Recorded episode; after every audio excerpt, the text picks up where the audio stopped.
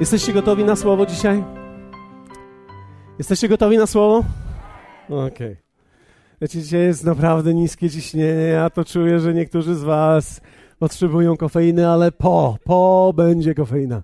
Niskie ciśnienie. Jeśli będziesz zobaczyć, że Twój sąsiad śpi, szturchnij go, powiedz nie, nie wypada, bo to nagrają Cię na kamerze i pokażą w telewizji. Uwaga, bo my mamy ukryte kamery tutaj. Nie, nie mamy ukrytych kamer, ale ale chciałaby się czasami, tak? Więc ty bądź tą ukrytą kamerą. Więc odwróć się do sąsiada i powiedz, ja będę twoją ukrytą kamerą. Jak będę widział, że padasz, to, to będę cię... No, uważajcie, uważajcie. Tak. Słuchajcie, dzisiaj będziemy dalej kontynuować to słowo na temat potęgi obrazu. Potęga obrazu. To, jak człowiek widzi Boga, zaczęliśmy od tego. To, jak widzisz życie i to, o czym dzisiaj będziemy mówili, to, jak widzisz siebie samego. To jest jedna z najważniejszych sił w życiu człowieka. Myślę, że obraz, który człowiek nosi w sobie, jest fundamentem tak naprawdę życia. Myślę, że wszystko zaczyna się od tych aspektów. Najpierw wszystko zaczyna się od tego, jak widzimy Boga. I powiedzieliśmy o tym, że jeśli widzisz go jako gdzieś starego, z brodą Mikołaja, który stworzył ten świat, ale nie interesuje się tym światem,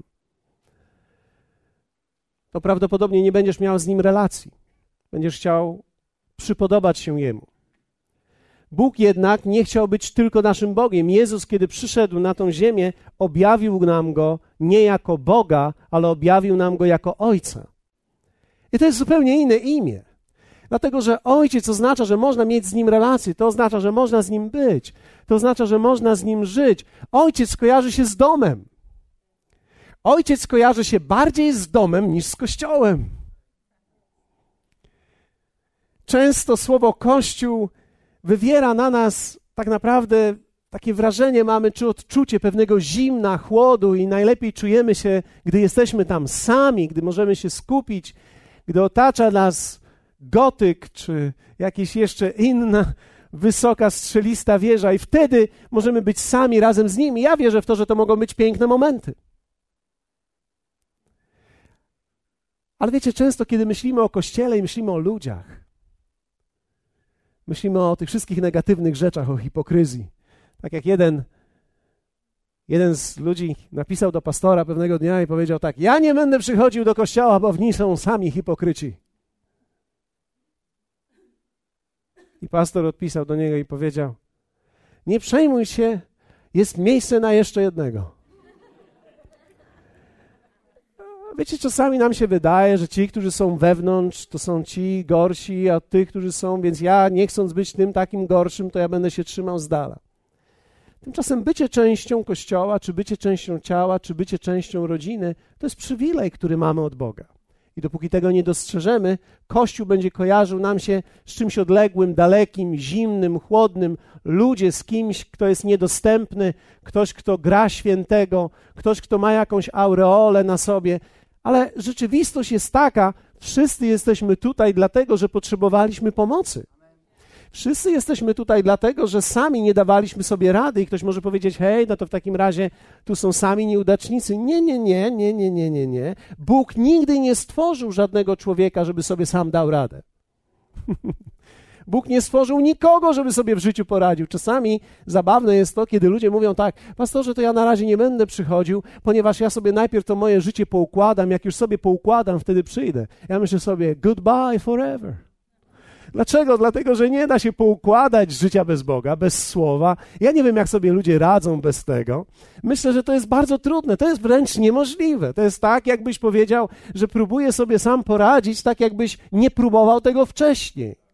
Przecież próbowałeś wcześniej i nie poradziłeś sobie i potrzebowałeś Jezusa jako Zbawiciela, żeby Ciebie uratował. I wiecie, On nas ratuje i nas wyzwolił, ale jak wielu z Was wie o tym, że wolność to jest coś innego niż wyzwolenie? Jezus wyzwala nas, ale to my wchodzimy w wolność. Czyli tak naprawdę wolność jest efektem naszej współpracy z Bogiem, a nie tylko efektem Jego wyzwolenia. To, że Jezus wyzwala nas ze starego życia, wcale nie oznacza, że teraz będę żył wolnym życiem, bo moja wolność zależy od ilości prawdy, która we mnie jest. Dlatego, że Jezus powiedział tak: poznacie prawdę i prawda was wyzwoli. Znaczy mówiąc, prawda wyzwala nas. Chciałbym zwrócić uwagę waszą, że to jest bardzo ważne, że to nie szczerość nas wyzwala. Niektórzy mówią tak, gdybym ty, jak tylko będę szczery. Ale wiecie, można być szczerym i w błędzie. Biblia mówi, że można szczerze nienawidzieć. Czyli można być szczerym i stać przed ścianą. Jestem szczery, ale stoję przed ścianą. Tymczasem wolność przychodzi z prawdy, która jest w nas zasiana. Dlatego wierzę w to, że z obrazu Boga rodzi się całe życie. Człowiek, który nie ma prawidłowego obrazu Boga, nie może prawidłowo żyć. Dlatego piętnujemy te rzeczy, które tak naprawdę są również wartością, takie jak chodzenie do kościoła mechaniczne, albo tylko z tradycji, albo tylko dlatego, że tak trzeba, albo tylko dlatego, że to z dziada pradziada tak już jest. Rzeczywistość Boża jest taka: Bóg nie ma wnuków. Bóg ma dzieci tylko. Czyli każde pokolenie musi przyjść do Niego samo. Ja nie mogę być w kościele, dlatego że moi rodzice byli w kościele. Dobrze, że rodzice zaszczepili mi pewne wartości, ale wiecie, dopóki wartości nie staną się moją wartością, to stanie się to tylko martwą religią. Dlatego, że jeśli to, ta wartość jest tylko w moim chodzeniu, to prawdopodobnie będę wiernym chodzącym, ale i tak będę żył po swojemu. Bo człowiek zawsze żyje według wartości, która w nim jest, według tego, w co wierzy naprawdę.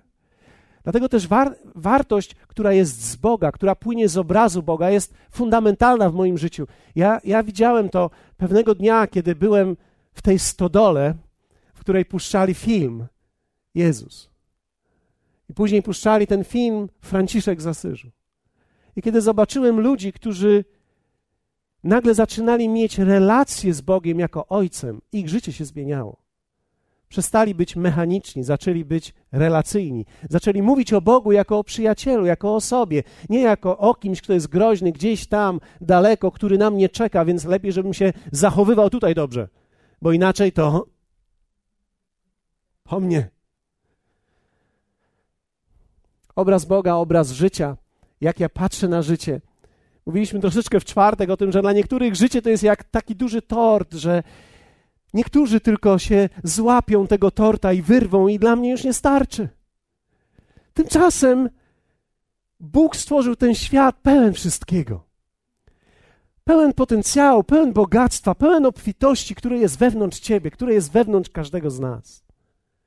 I to jest genialne, że możemy spojrzeć na życie i mówię, powiedzieć sobie tak: wspaniałe jest to życie, wspaniałe on, wspaniale on to uczynił. Nawet pory i sezony są wspaniałe.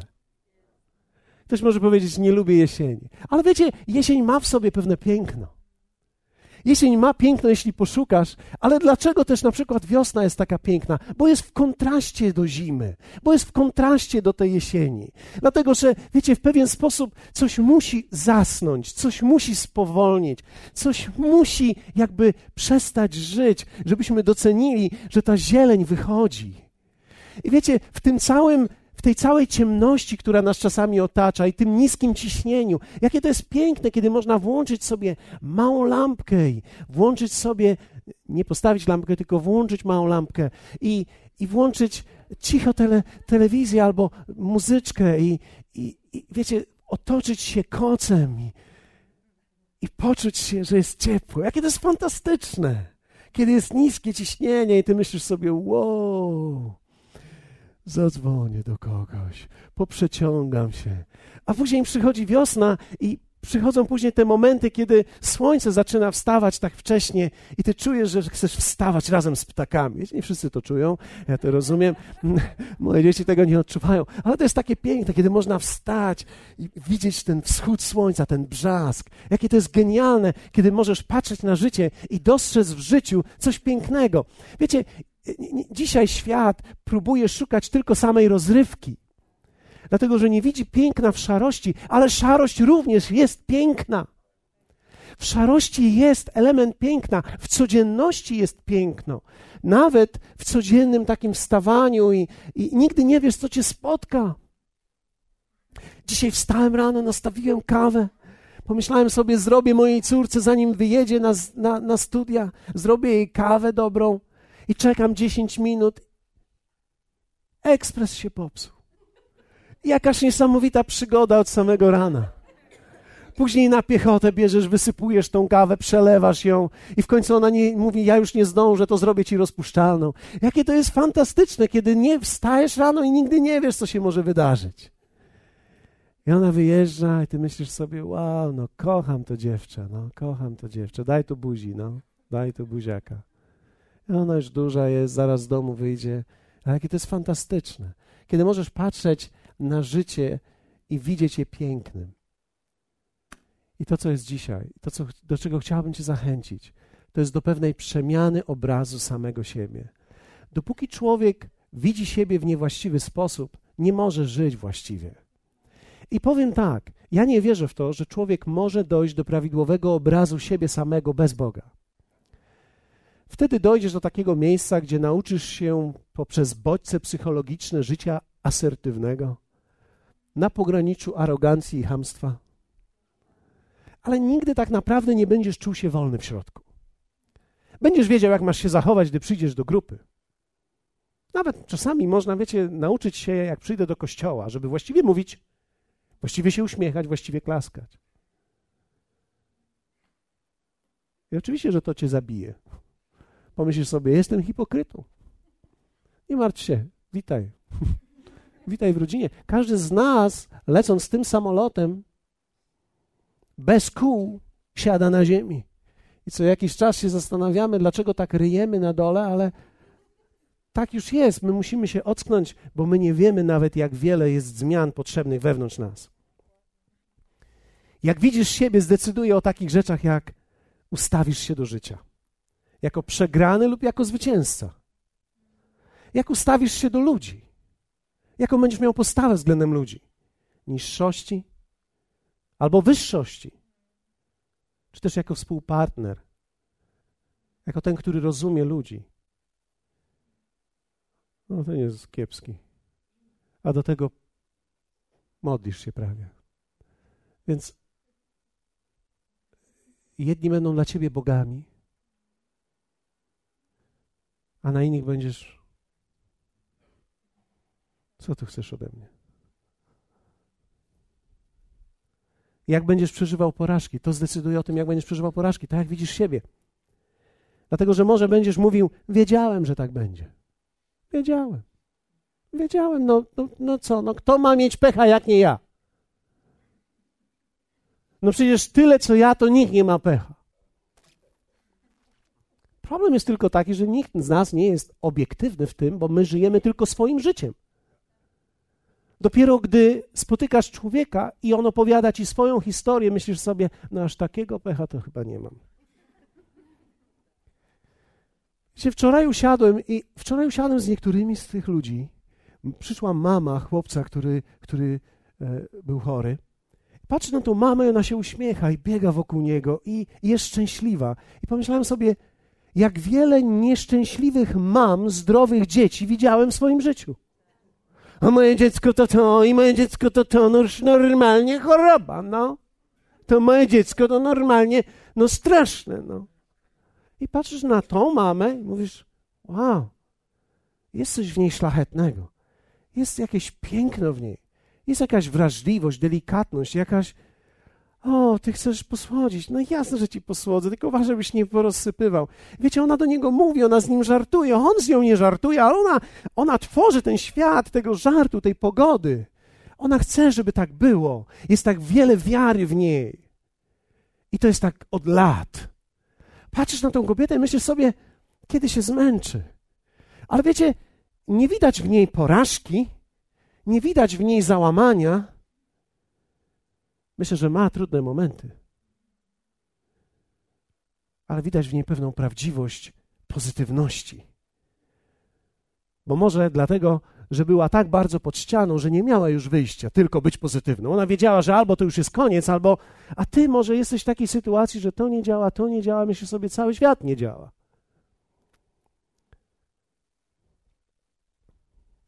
To, jak widzisz siebie, zdecyduje, jak będziesz patrzył na życie. Jak będziesz patrzył na porażki. Kilka biblijnych przykładów złego obrazu siebie. Zwiadowcy w ziemi obiecanej. Wiecie, pewnego dnia Mojżesz wysłał ludzi. Nie będę opisywał tej sytuacji całej, czytał ją, ale wysłał ludzi do ziemi obiecanej, żeby zobaczyli, jak ona wygląda. I oni wrócili i powiedzieli, że jest wspaniała, tylko parę problemów jest. I w czwartej Mojżeszowej, w trzynastym rozdziale oni mówią tak. Widzieliśmy tam olbrzymów, synów Anaka, z rodu olbrzymów. I wydawaliśmy się sobie w porównaniu z nimi jak szarańcza. I takimi też byliśmy w ich oczach. Pomyślcie, do jakiego stanu człowiek doprowadzić musi siebie, żeby myśleć o sobie, że jestem jak robal, szarańcza, kicający szaranek.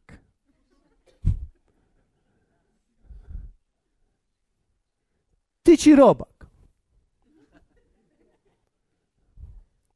Z czułkami który nic nie może robić, tylko kicnąć w jedną, kicnąć w drugą, jak kicnie w ścianę, to się odbije i poleci w drugą. Nic nie może robić. I tacy byliśmy, byliśmy jak kicająca szarańcza. I tacy byliśmy w ich oczach. Oni z nimi nigdy nie rozmawiali. Przecież. Przecież olbrzymy nie powiedziały im, jesteście szarańczą i skaczecie i kicacie tak. Im się wydawało, że tak o nich myślą oni. Pomyśl, kiedy masz to poczucie niższości, kiedy żyjesz w, takim, w takiej pogardzie do siebie, wydaje ci się nawet, gdy ktoś coś mówi, że mówi do ciebie, że to właśnie o tobie i na pewno ktoś powiedział. Na pewno ktoś powiedział o tym komuś i teraz ten mówi o tobie. I to poczucie niższości bulwersuje ciebie wewnątrz jest bunt, bo słyszysz nawet źle, widzisz źle, czujesz się źle. Wiecie, kiedyś mówiłem o tym, ale myślę, że dokładnie tak jest. Kiedy człowiek opisuje swojego wroga jako olbrzyma, to tak naprawdę nie opisuje, kogo widzi, tylko jakim się sam czuje. Więc kiedy przychodzisz i mówisz, no straszne, wielkie góry przede mną, olbrzymy, olbrzymie, to tak naprawdę mówisz o tym, jak mały ty jesteś. Dlatego, że można nie wiedzieć, jak rozwiązać problem, ale można podejść do niego i powiedzieć: Jest do rozwiązania. Problemy są do rozwiązania. Hmm. Rozumiem, rozumiem, rozumiem. Problemy są do rozwiązania, trudności są do pokonania. Można pokonać górę, można pokonać olbrzyma, można pokonać siebie samego, można pokonać swoje nałogi, można pokonać swoje nawyki, można pokonać swoje ego, można pokonać wiele rzeczy wewnątrz siebie. Prawdopodobnie ta siła, której potrzebujesz, nie będzie płynęła tylko z ciebie, ale musi płynąć od niego, ale można pokonać. Ale oni mówili, byliśmy jak szarańcza. I wiecie co? To ich zatrzymało przed wejściem do ziemi obiecanej. Człowiek, który myśli źle o sobie, nigdy nie wejdzie w to, do czego go Bóg powołał. Nigdy nie będziesz miał szans, bo będziesz czuł, że jesteś za mały. Wiecie, każdy z nas ma wielki plan od Boga. Ale niektórzy siedzą i mówią, hmm, pewnie tak, może. Ale widzisz, Naprawdę są wielkie rzeczy dla ciebie. I to nie są wielkie na zasadzie wybudujesz wielką fabrykę. Może i tak, ale wielkość człowieka nie jest wielkości fabryki, ani firmy, ani wielkości finansów. Wielkość człowieka tak naprawdę mierzy się zupełnie inaczej. Wielkością jego serca, wielkością tego, co czyni dla innych. Dlatego, że wielcy ludzie pomagają w wielki sposób. Wielcy ludzie dokonują wielkich rzeczy dla innych. Wielcy ludzie potrafią tworzyć wspaniałe domy, rodziny. To jest prawdziwa wielkość. Można być dobrym ojcem, wielkim ojcem, wielkim ojcem, wielkim mężem. Hmm. Nie muszę być mężem, mogę być wielkim mężem. Ja nie chcę, żeby moja żona powiedziała: Mam męża, mam wielkiego. To ona będzie mówiła zawsze: Mam męża, ale. Ale ja bym chciał, żebym. Chciałbym być największym mężem, jaki kiedykolwiek mógł być dla mojej żony. Chciałbym, żebym kiedy umrę, żeby ona żałowała, że umarłem.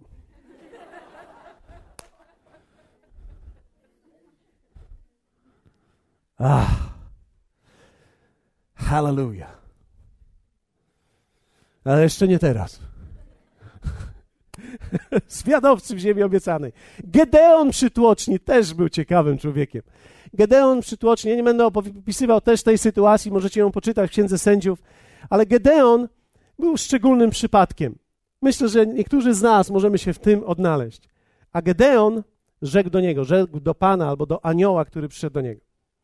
Za pozwoleniem, Panie mój, jeżeli Pan jest z nami, to dlaczego spotkało nas to wszystko?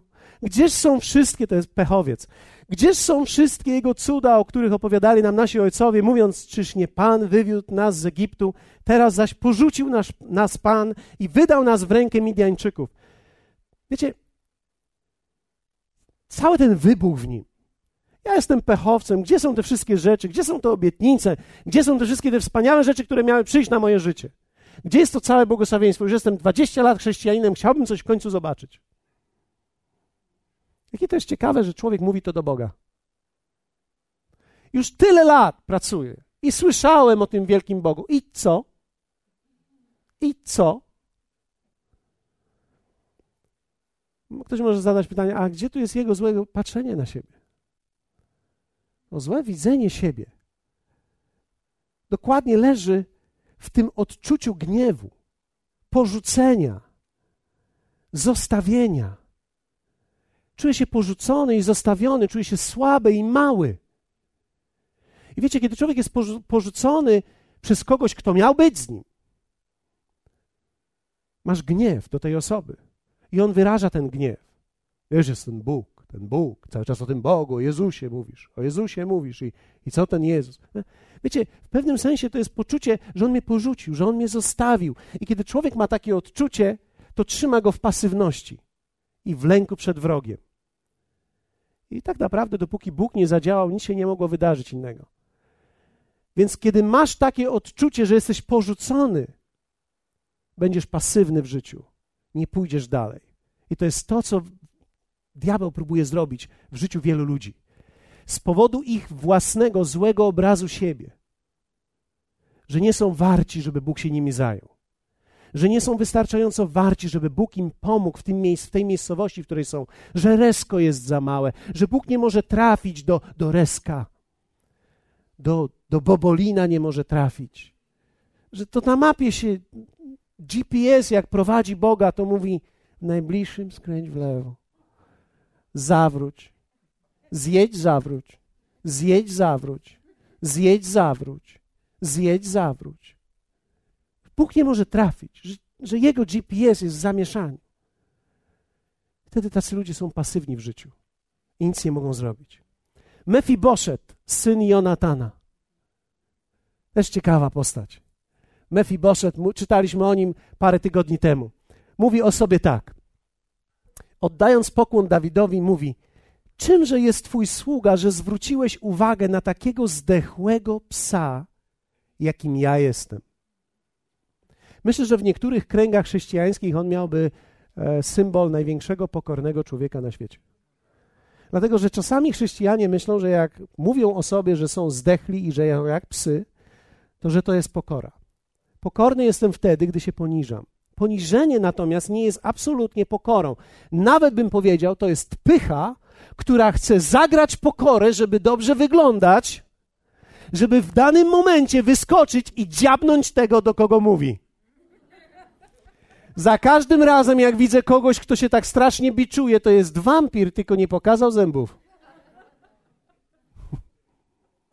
Jak widzę kogoś, kto jest taki przepokorny i prześwięty i taki przewielebny, o, powiedzcie razem ze mną, o, Wiecie, że możemy zrobić to tutaj też. Jak będziesz widział, że ktoś jest taki e, on i przewielebny i że jest taki, że o, że Jezus to i Pan tamto i on mówił do mnie, prawie, że on oddycha wszystkim Jezusem, prorokuje w tym samym czasie i uzdrawia lewą ręką. To wtedy podejdźcie do niego i powiedz o. Jak go zapytasz, jak, jak się czujesz, a on powiada, Pan daje zdrowie. Wtedy powiedz o. Bo widzisz, że masz do czynienia z kimś skręconym delikatnie. Drucik mu się ściągnął nie w tą stronę. Trzeba uważać na to. Wierzcie mi, wielu, wielu religijnych ludzi przywdziewa postać religijną, takiego wielebności, takiej wychuchania takiego, po to tylko, żeby cię ugryźć we właściwym momencie, albo żeby cię zadymić, żebyś ty myślał, zakadzić, żebyś myślał, że to masz do czynienia z przenajświętczością wielką. Więc kiedy, no to jest bardzo ważne. To jest bardzo ważne. Dlatego, że są ludzie, którzy będą mówili, ja jestem zdechły pies. Nie słuchajcie, jak śpiewam piosenki, bo to nie ja śpiewam, to Pan śpiewa. No ale kobieto, to damski głos był, no. Jak może Jezus śpiewać damskim głosem? Ja nie śpiewam dla ludzi, ja śpiewam dla Pana. Śpiewaj w domu pod prysznicem. Jak nie chcesz śpiewać dla ludzi? No przecież my śpiewamy dla ludzi, no. Trochę normalności. Ja myślę, że chrześcijaństwo normalne, ono dopiero się przebudza w tym kraju. My, my jeszcze go nie mamy, my, my w dalszym ciągu próbujemy zakadzić wszystko wielkością i świętością. Zosia będzie błogosławić was na końcu dzisiaj. Moja teściowa. O. No, bo czym jest taki tekst? Czymże ja jest twój sługa? Przecież on nie jest sługą. Nic nie zrobił dla Dawida. Że zwróciłeś uwagę na takiego zdechłego psa, jakim ja jestem. Tak naprawdę to trzymało go w ubóstwie i w ciągłym lęku przed ludźmi fałszywa pokora, fałszywa religijność, zadymianie. Wtedy wiecie, co mamy zrobić. Jak będziesz widział taką osobę, powiedz. Czasami kogoś pytam, co słychać, on mówi, Pan jest ze mną. A ja wtedy mówię, o, to ja jestem za święty, sorry. Nie chcę wam przeszkadzać. Bo... o, dobrze, dobrze. Jak pokonać niewłaściwy obraz siebie? Mamy kilka minut i pokonamy to. Co wy na to? A, nie pokonamy tego w kilka minut, nie ma szans. Ale powiemy sobie o tym, jak to zrobić i wierzę w to, że większość z was będzie mogła to chwycić i coś zrobić sobie. Ja nie wierzę w to, że człowiek się zmienia przez słuchanie. Człowiek się zmienia przez decyzję. Przez zrobienie. Dopiero wtedy, dlatego ja nie wierzę w siedzenie w kościele. Znaczy, ja nie wierzę, że mogę inaczej do was powiedzieć, jak będziecie siedzieć, ale nie wierzę w to, że człowiek się zmienia przez siedzenie. Człowiek się zmienia przez działanie, przez bycie częścią. Bycie częścią słowa, wykonaniem słowa, zrobieniem czegoś. Pierwsze, rozpoznaj swój nowy obraz Bogu. Jest Twój obraz Boży w nim. W pierwszym Koryntian czytamy, jaki był ziemski człowiek. Ja lubię te kolory, jak wymieniają tutaj. Tacy są i ziemscy ludzie. Jaki jest niebieski człowiek, tacy są i niebiescy. Stąd też mamy niebieskie tutaj krzesła, i żeby niebiescy siedzieli na niebieskim. Przeto jak nosiliśmy obraz ziemskiego człowieka, tak będziemy też nosić, zwróćcie uwagę na czas przyszły, tak będziemy też nosić, będziemy, te, czyli jeszcze nie nosimy. Jeszcze nie nosimy, będziemy nosić. Jeszcze nie nosimy, będziemy nosić. Ktoś może powiedzieć kiedy? Jak, jak ubierzemy się. Bo to słowo będziemy nosili, to jest greckie słowo foreo, które oznacza nosić, ubierać jak ubranie. Po kolei, dzisiaj mamy mega szafę, dokładnie tak jest. Chciałem tylko przypomnieć, że mega szafa to nie jest tamte ubrania, które tam są. Tamto to jest szatnia, tam, tam jest mega szafa. Ubrać jak ubranie, mieć akompaniament cały czas, czyli coś mi podgrywa, przypominając mi. Niektórzy mają w komórkach przypominajkę, tak, teraz miałeś zadzwonić do żony, teraz twoja żona dzwoni do ciebie i tak dalej, różnego rodzaju rzeczy. Albo być obciążonym tak, że czujesz. Niektórzy robią różnego rodzaju przypominanie dla siebie, e, wiążą sobie coś, supełki, niektórzy gubią klucze, więc je tu noszą jak kluczniki. Artur zawsze wygląda na mnie jak dzwonnik z Notre Dame.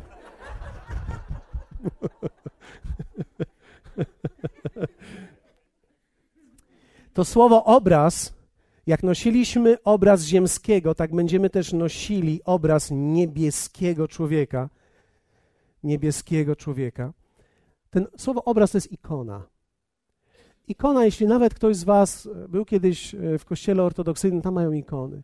Celem tych ikon było tak naprawdę wpatrywanie się w nie tak długo, aż rozumiesz ten obraz i on staje się częścią ciebie.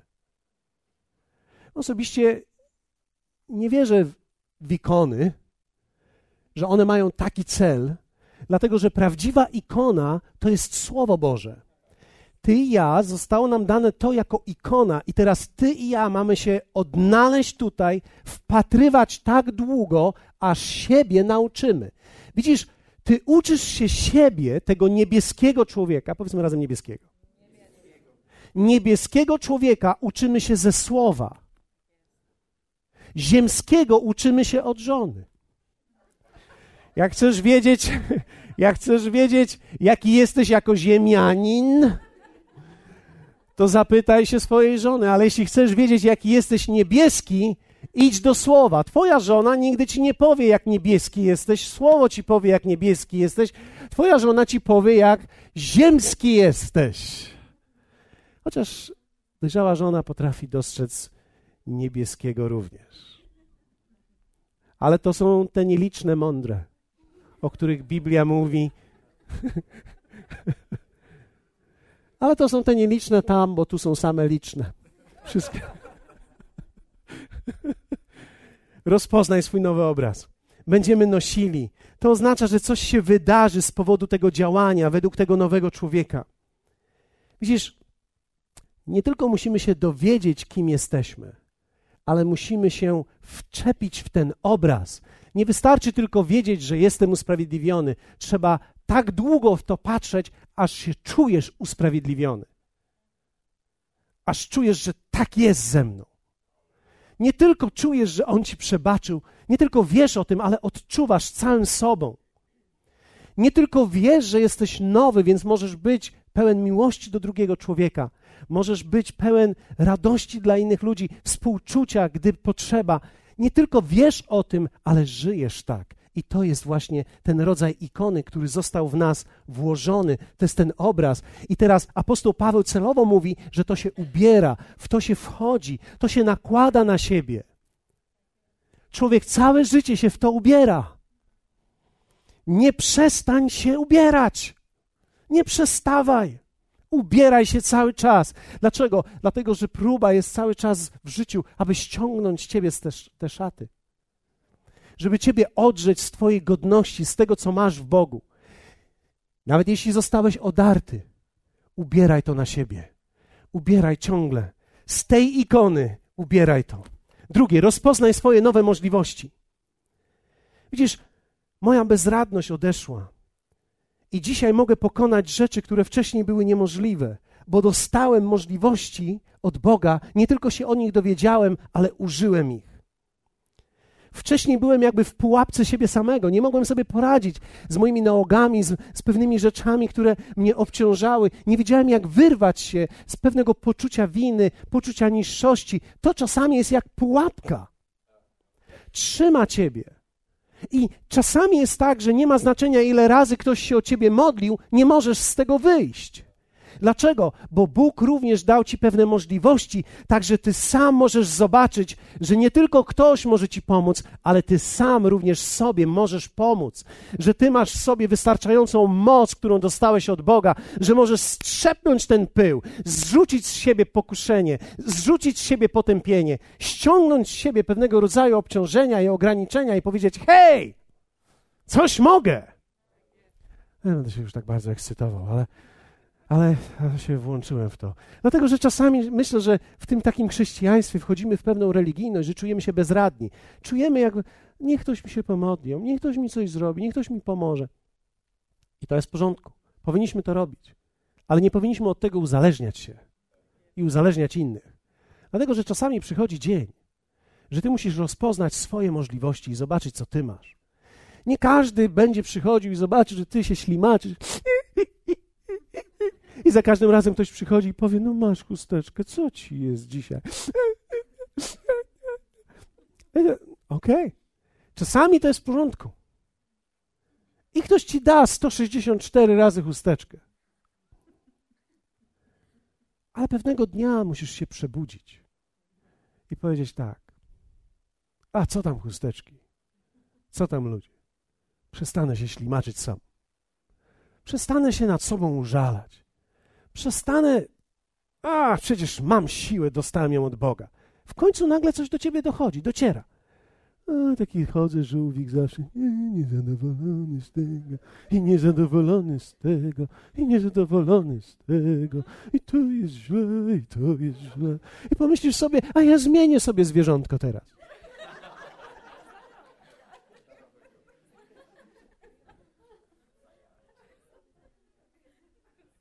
Więc koziołek, mądra głowa, wy... Zmieniasz sobie to. Zmieniasz siebie. Biblia mówi wiele o przepoczwarzaniu się. Jesteś sobie ta gąsienica w środku kokonu i tak tylko popiskujesz cichutko. Ale przychodzi taki moment, kiedy bierzesz i się rozpychasz i mówisz: Ej, ja mam skrzydła. Jest tu ciepło i przyjemnie, ale ja mam skrzydła. Ostatnio oglądałem program National Geographic, gdzie mówił o niesamowitej ilości motyli, jak one daleko fruwają. Ja nie wiedziałem, że one pokonują takie odległości. Genialne. Motyle. Ktoś może myśleć, że motyl ma takie słabe życie. Przygoda. Przygoda. Każdej chwili szkoda. Którzy siedzą w kokonie i tak myślą, niech ktoś mi pomoże, niech ktoś mi przyniesie coś do jedzenia. Widzisz, oni ci przyniosą, ale to zawsze będzie jak taka renta. Prawie, że całujesz tego listonosza. Dziękuję, że pan trafił i że na dobrą godzinę. Ale wiesz, jest, jest życie poza tym również. Weź rentę i pójdź i zaszalej. Zrób co. Zrób coś wyjątkowego, zrób coś fantastycznego w życiu. Ja myślę, że to jest możliwe dla nas. Musisz rozpoznać swoje nowe możliwości. I ostatnie, rozpoznaj nową rodzinę. Mam cztery minuty i skończę to w cztery minuty. Słuchajcie, rozpoznaj nową rodzinę. Wiecie, każdy z nas w pojedynkę jesteśmy potencjałem, ale tylko razem jesteśmy obrazem. Jesteś sam kolorem, ale nie jesteś ty obrazem całym. Jesteś dźwiękiem, ale nie jesteś muzyką. Jesteś osobą, ale nie jesteś rodziną. Bóg powołał nas do bycia razem. Dlatego ja wierzę w to, że tylko w kontekście ciała możemy rozpoznać siebie. Nie wiem, kim jestem, dopóki nie stanę razem z tymi, którzy mają to, co ja. W całym słowie, w całym słowie, w całym tym słowie jest mowa o ludzie, o kościele, o domu i o rodzinie. Trochę to jest tak jak z brzydkim kaczątkiem. Większość z Was zna tą bajkę. Ale to jest trochę tak, że musisz być z takimi, którzy mają to, co Ty masz. I czujesz się przez to wzmocniony. Mało tego, Bóg mówi o Kościele jako o ciele i poszczególnie jesteśmy razem członkami. Ja rzadko widziałem tego palca, który by został na piętrze, jak ja szedłem na dół. Ciało ma tendencję, żeby poruszać się razem. I to poruszanie się wcale nie oznacza iść razem do pracy, wcale nie oznacza iść razem do domu, wcale nie oznacza nawet iść razem wszyscy na kawę. To oznacza mieć ten sam rodzaj życia, słyszeć to samo słowo nad sobą, brać to słowo, poruszać się, karmić się tym samym słowem, mieć wspólne doświadczenia Boga i w ciele rozpoznawać, kim jestem. Bo dopóki nie ma ciała, ja nie wiem, kim jestem. Wiecie, ja przez wiele lat swojego życia zastanawiałem się, no kim ja jestem? I pamiętam, kiedy zaczął się kościół i zaczęliśmy go w takiej grupie i w tej grupie każdy mógł mówić, więc każdy coś mówił i tak czekaliśmy, aż ten coś powie, czy ten coś powie. Czasami było mądrzej, czasami mniej mądrzej. I wiecie, w końcu któregoś dnia stanąłem i coś powiedziałem i zobaczyłem, że ludzie się uśmiechają. Ale wiecie, coś się wydarzyło. Ja wtedy miałem inny mikrofon, to był na kablu mikrofon srebrny, który kupiliśmy. Wielki, wspaniały mikrofon. I pamiętam, wiecie, ja wziąłem ten mikrofon, stanąłem tak i tak pomyślałem, ja coś czuję wyjątkowego. Jak mówię do tych ludzi, oni jakoś mnie słuchają. I pomyślałem sobie, czemu tak jest? Przecież tamci ludzie też mówią coś ciekawego. I wtedy zobaczyłem, że Bóg dał mi też dary, które tylko w kontekście ciała mogą wyjść. I wtedy pomyślałem sobie, to jednak ja nie będę śpiewał disco polo.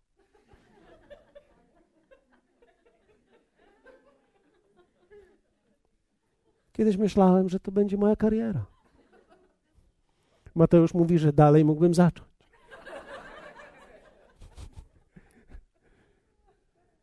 Ale rzeczywistość była taka, że dopiero w ciele, kiedy się ustawiłem razem, rozpoznałem moje dary, rozpoznałem, co jest we mnie. I wiecie co? Przez te 20 lat czuję, jak to piękne jest. Podróżowanie wspólne, bycie razem. Bóg daje nam ciało i tylko w kontekście ciała budujemy nasz obraz. Prawidłowy obraz siebie.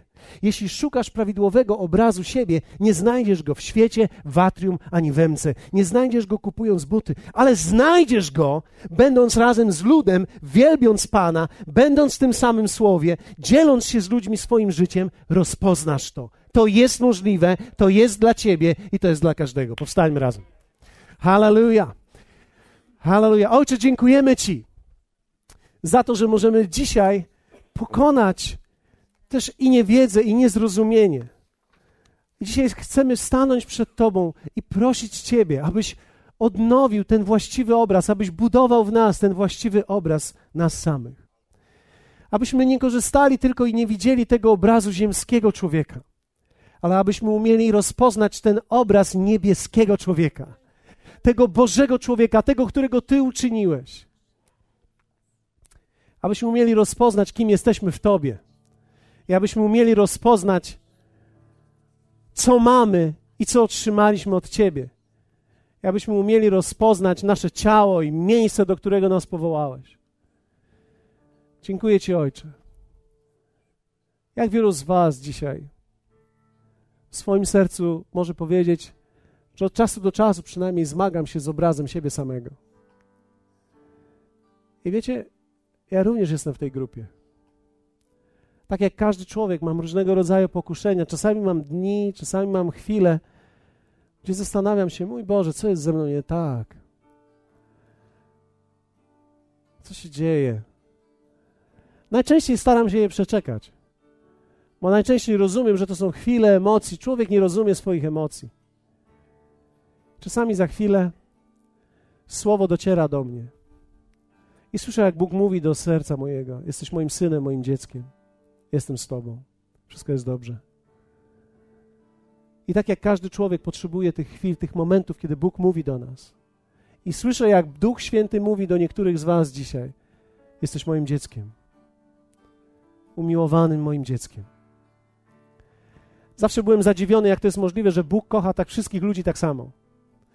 Zawsze byłem zadziwiony, jak to jest możliwe, żeby Bóg był w stanie dotknąć Sebastiana tam i Kasię tutaj. Jak to jest możliwe? Ale wiecie, to jest możliwe w Nim, dlatego jest Bogiem. I wierzę w to, że ten obraz to jest nasza decyzja. Ja nie wierzę w to, że człowiek może otrzymać ten obraz jako dar. Ja myślę, że ten obraz jest wbudowywany w nas i to jest nasza praca. Kto z Was chciałby podjąć walkę z tym niewłaściwym obrazem siebie samego? Kto z Was chciałby dzisiaj powiedzieć: Pastorze, ja, ja chcę podjąć to wyzwanie. Ja chcę podjąć to wyzwanie i walczyć z tym niewłaściwym obrazem, który tak naprawdę mnie spowalnia, sprawia, że staję się pasywny.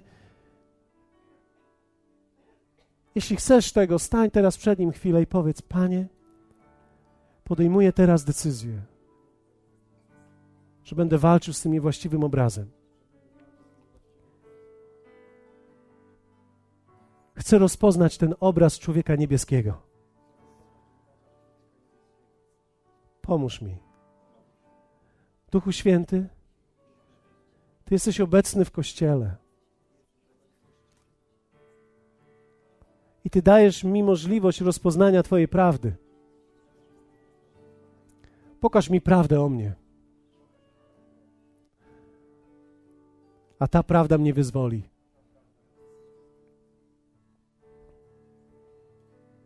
Znaczy, to jest niesamowite. Stosunek do ludzi się zmienia wtedy. Nie czujesz się wyżej niż ktoś. Nie czujesz, nie czujesz się niżej niż ktoś.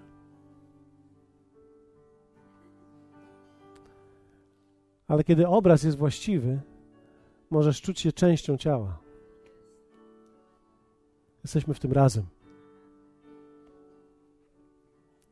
Bóg da ci rodzinę, nie, nie da ci nową rodzinę, poszerzy twoją rodzinę. Więc kiedy przychodzisz i dołączasz się do kościoła, to nie jest to, że masz nową rodzinę, a teraz stara to już nie jest rodzina. Nie, poszerza twoją rodzinę. Masz nową teraz duchową rodzinę. Masz większą rodzinę, masz więcej braci, masz więcej sióstr. Możemy być razem. I tylko w tym kontekście drugiego człowieka możesz rozpoznać siebie. I to jest wielki dar.